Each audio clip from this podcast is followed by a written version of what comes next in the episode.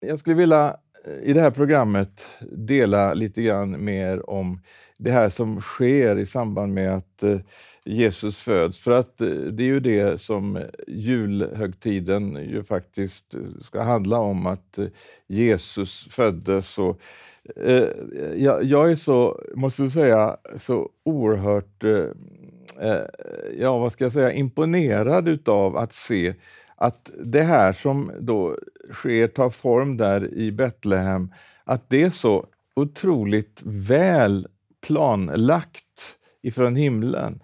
Att eh, liksom alla de här pusselbitarna faller på plats. Allt det som profeterna har talat om, det går i, i fullbordan. Och jag, jag ska bara läsa någonting för er här eh, ifrån eh, Jesaja ifrån det 46 kapitlet, nionde versen, så är det Gud som talar. Han säger att jag är Gud och det finns ingen annan Gud, ingen som jag. Jag förkunnar från början vad som ska komma och långt i förväg det som inte har skett. Jag säger, mitt beslut ska förverkligas. Allt jag vill kommer jag att göra. Och Faktum är att det är bara Gud, den allsmäktige, som verkligen kan tala på det här sättet och, och göra så här, att besluta någonting och bestämma när i framtiden hans beslut ska förverkligas. Så att, eh, och Det är det som är tryggheten just med detta, att verkligen få överlämna sitt liv åt honom. Han som är vår skapare, han som är den som vill oss allt väl. Det, det, är absolut eh, det bästa liv någon kan leva, det är leva i gemenskap med Gud. Men jag vill läsa några bibelord till som understryker det här. Och då är det i Första Korinthierbrevet 2 och 7, det står Vi förkunnar Guds hemliga och fördolda vishet som Gud från evighet har bestämt ska bli till härlighet för oss. Alltså, Guds plan och Guds tanke ifrån evigheten, det är någonting som, som liksom ska bli till härlighet för oss. Gud är en god Gud som ger oss goda gåvor. Han vill verkligen ge oss allt det underbara. Och, och Det står så här också i Apostlagärningarna, det första kapitlet och sjunde versen tider eller stunder som Fadern i sin makt har bestämt. Och så kommer då detta som vi kan läsa om i Galaterbrevet 4 och 4, att när tiden var inne sände Gud sin son, född av kvinna.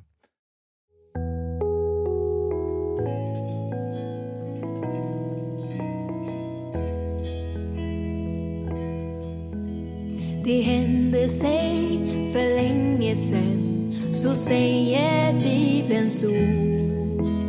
Att Jesus, barnet, frälsaren, föddes till vår jord. Ära vare Gud i höjd, frälsaren kommer när. Frid på jorden från vår Gud, som vill alla människor väl.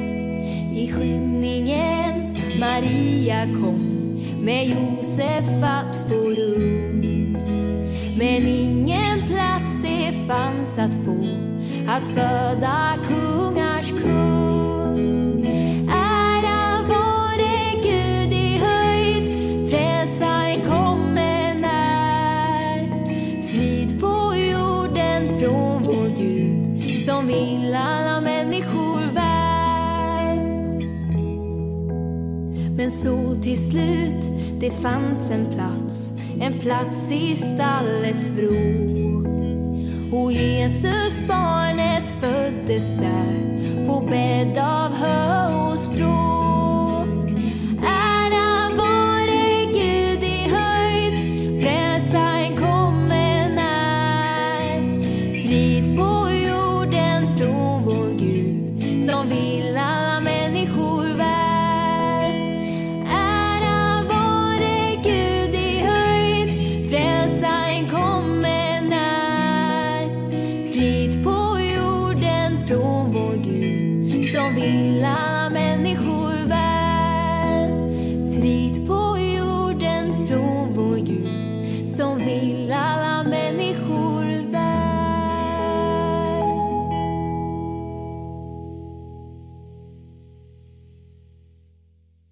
Gud hade i sin kalender, i sin planering, så, så hade han med detta. Det var någonting som eh, vi kan läsa på andra ställen var förutbestämt innan den här världen kom till. Så hade Gud planerat det här. Och just eh, den här tiden och, och, och det här året som det skedde, det var liksom inbokat i Guds kalender att då skulle Jesus Kristus födas i Betlehem. Och, och, Det har vi också många andra bibelord som visar just de här olika detaljerna med var det skulle bli i Betlehem, vem som skulle föda den unga jungfrun och så vidare. och så vidare. Eh, och sen också när, det uppdrag som han får eh, eh, genom att komma till den här världen, Romarbrevet 5 och 6, så står det, när tiden var inne dog Kristus i de ogudaktiga ställe. Och eh, ett bibelord till, Efesierbrevet 1 och 10, så står det den plan som skulle genomföras när tiden var inne att sammanfatta allt i himlen och på jorden i Kristus. Så här ser vi ytterligare något som ännu inte har gått i fullbordan, utan eh, det som då så att säga detta leder till, Jesus föds i den här världen, han eh, föds som människa, han delar livet i den här världen, det står att han blir frestad i allt som vi, dock utan synd.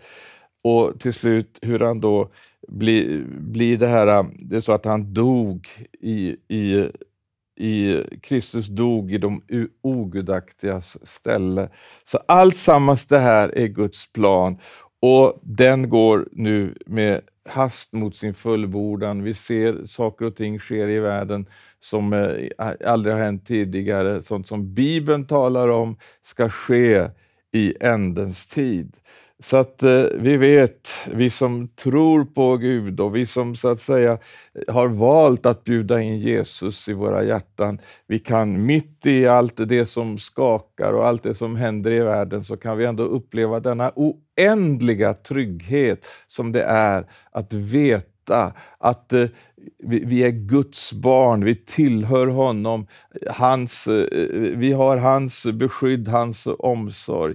Och, och, det är det också, det är det budskapet som vi eh, predikar eh, när vi då predikar evangelium, som ju betyder de goda nyheterna. Det som liksom, när vi kan se den här Guds planering, vi liksom får se in lite grann i det när vi läser de här olika profetiorna. Petrus, han tar också upp det här, Petrus, eh, Jesu lärjunge, i, i det första brevet som han skriver, första kapitlet, 18 versen, så, så talar han om Jesus eh, och, och, det verk som han har utfört. Och han säger så här, ni vet att det inte var med förgängliga ting, med silver och guld som ni blir friköpta från det meningslösa liv ni hade ärvt från era fäder. Nej, det var med Kristi dyra blod, eh, som med blodet av ett lamm utan fel och brist. Han var utsedd redan före världens skapelse, men har nu i dessa sista tider uppenbarats för er skull. Så att vi ser, det är minsann ingen slump eller några tillfälligheter, det som sker där eh, med Jesus, när han föds och, och, och allt det som händer runt omkring honom. Och Jag skulle vilja citera en, eh, en teolog, eh, e- Erich Sauer heter han, han är tysk och han har skrivit många, tycker jag, bra och intressanta böcker. Och i en bok som heter Från evighet till evighet så skriver han Jesus Kristus är centrum i hela Guds frälsningsråd. Allt som skedde före honom, det som skedde med hänsyftning på hans kommande och allt i Guds rikes historia efter honom, det sker i hans namn. I centrum för Jesu frälsande gärning står korset. Genom offret av sitt liv betalade den korsfäste priset för vår återlösning. Ehm, det, är också intressant, det finns ju en del som hävdar ja men man kan inte tro på Bibeln och, och man har massa olika argument eh, som man reser upp. Och det finns forskare som eh, verkligen eh, har, har, bestämt, eh, de skulle verkligen gå till grunden med att bevisa att Bibeln har verkligen fel. Men många av dem som just har försökt att motbevisa liksom den kristna tron har istället blivit troende och blivit starka försvarare utav den kristna tron och, och, och liksom hur, hur, de, när de då har ut, utvärderat de bevis som liksom har, har, de har sett när de har studerat. Och två eh, sådana här forskare skulle jag bara vilja nämna. Den ene heter Josh McDowell och den andra heter Lee Strobel. Och Josh McDowell, han eh, utmanades verkligen av att eh, undersöka alla de här påståendena som kom från kristet håll, hur det var. Och, och han började som agnostiker. Men när han började eh, undersöka och, och liksom eh, verkligen gå till botten så upptäckte han att det fanns verkligen överväldigande bevis för den kristna trons tillförlitlighet. Och, och, så att efter det, att han liksom hade eh, sett att ja men faktiskt, det är, det är sant, så tog han emot Jesus och överlämnade sitt liv åt honom och han blev en utav de här eh, verkligen eh, ja, starka eh, apologeterna som, som vi har haft i, i, under de senaste decennierna. Och eh, samma sak gäller för Lee Strobel. Han var ateist när han började undersöka eh, de här eh, bibliska påståendena om Jesus. Och, och, och det var så att hans fru blev kristen och, och han, han behövde verkligen överbevisas ordentligt. Och han gick till grunden verkligen och så blev han kristen och på samma sätt, han blev också en av de här eh, apologeterna, alltså försvararna av den kristna tron som, som har trätt fram väldigt tydligt också under eh, ett antal år.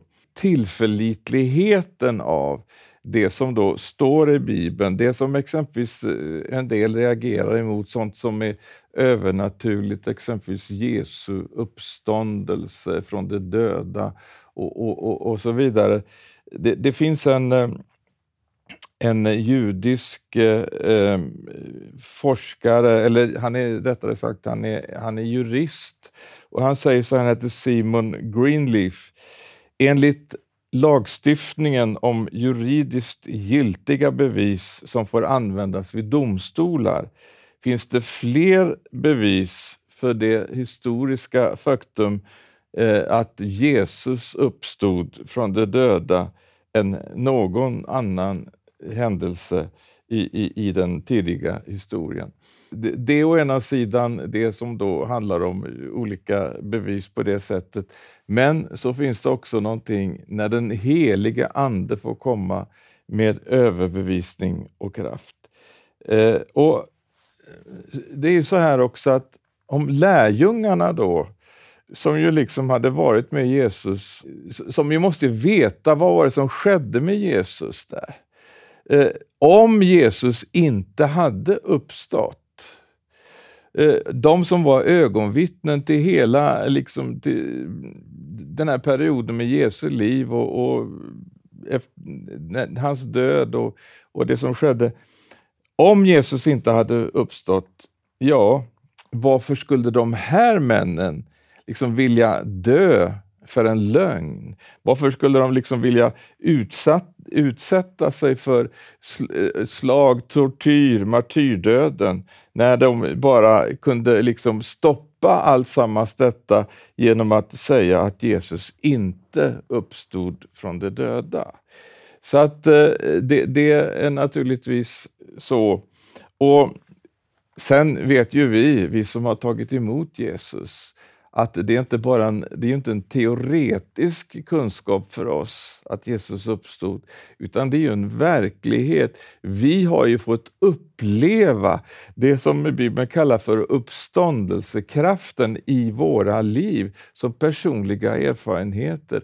En, en kraft, det står ju om det i Romarbrevets åttonde kapitel, att den kraft som uppväckte Jesus från de döda, den bor i er, säger han till de kristna.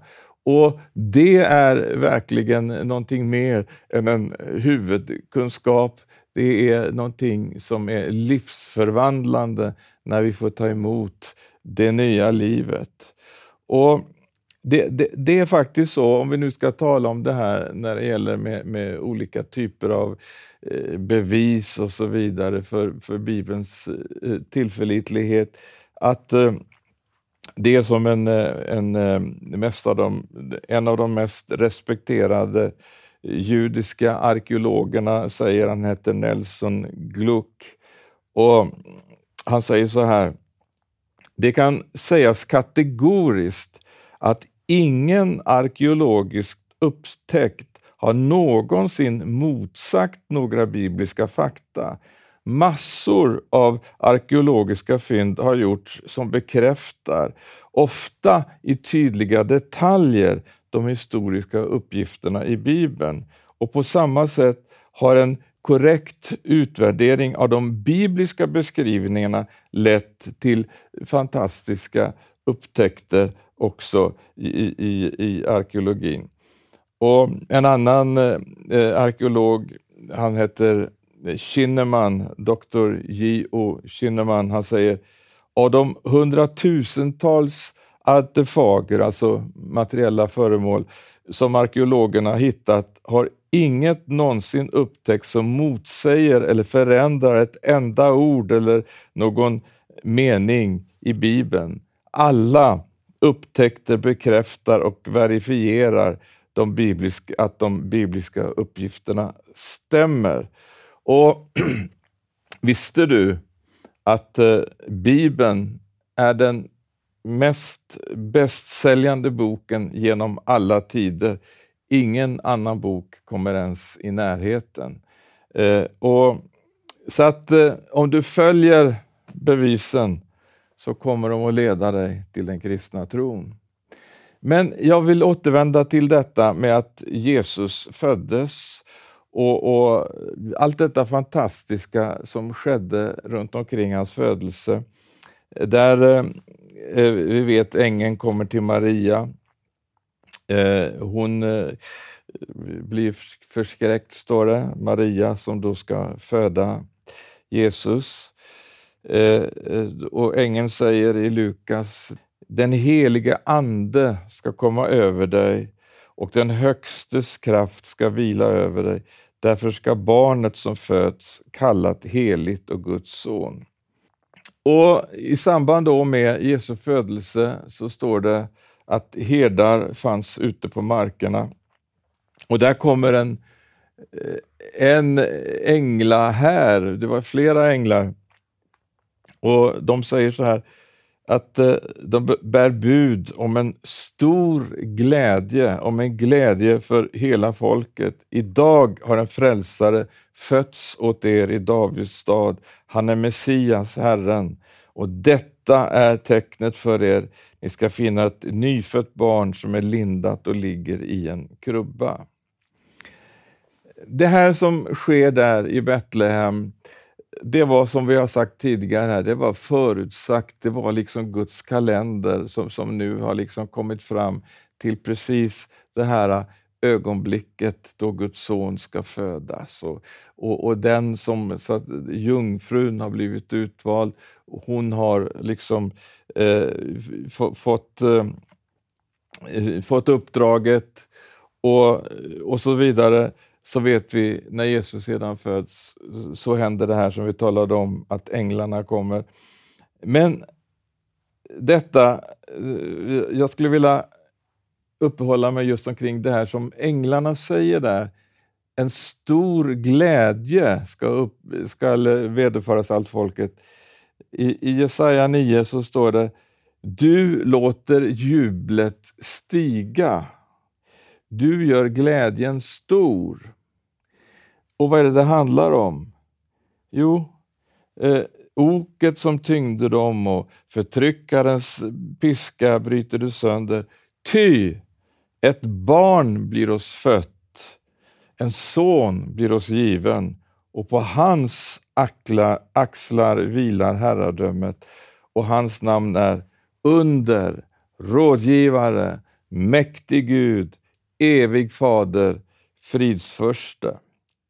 Eh, och eh, det här är ju, det här är ju verkligen det som, som är det absolut viktigaste som har skett i hela världshistorien.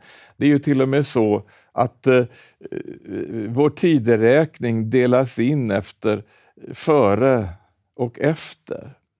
Före Kristus, efter Kristus, Eh, så att det påminner oss ju verkligen, bara det att vi säger årtalet, eh, det, det, år som vi lever i, så är ju det egentligen någonting som liksom påminner om att eh, Jesus föddes för så och så många år sedan.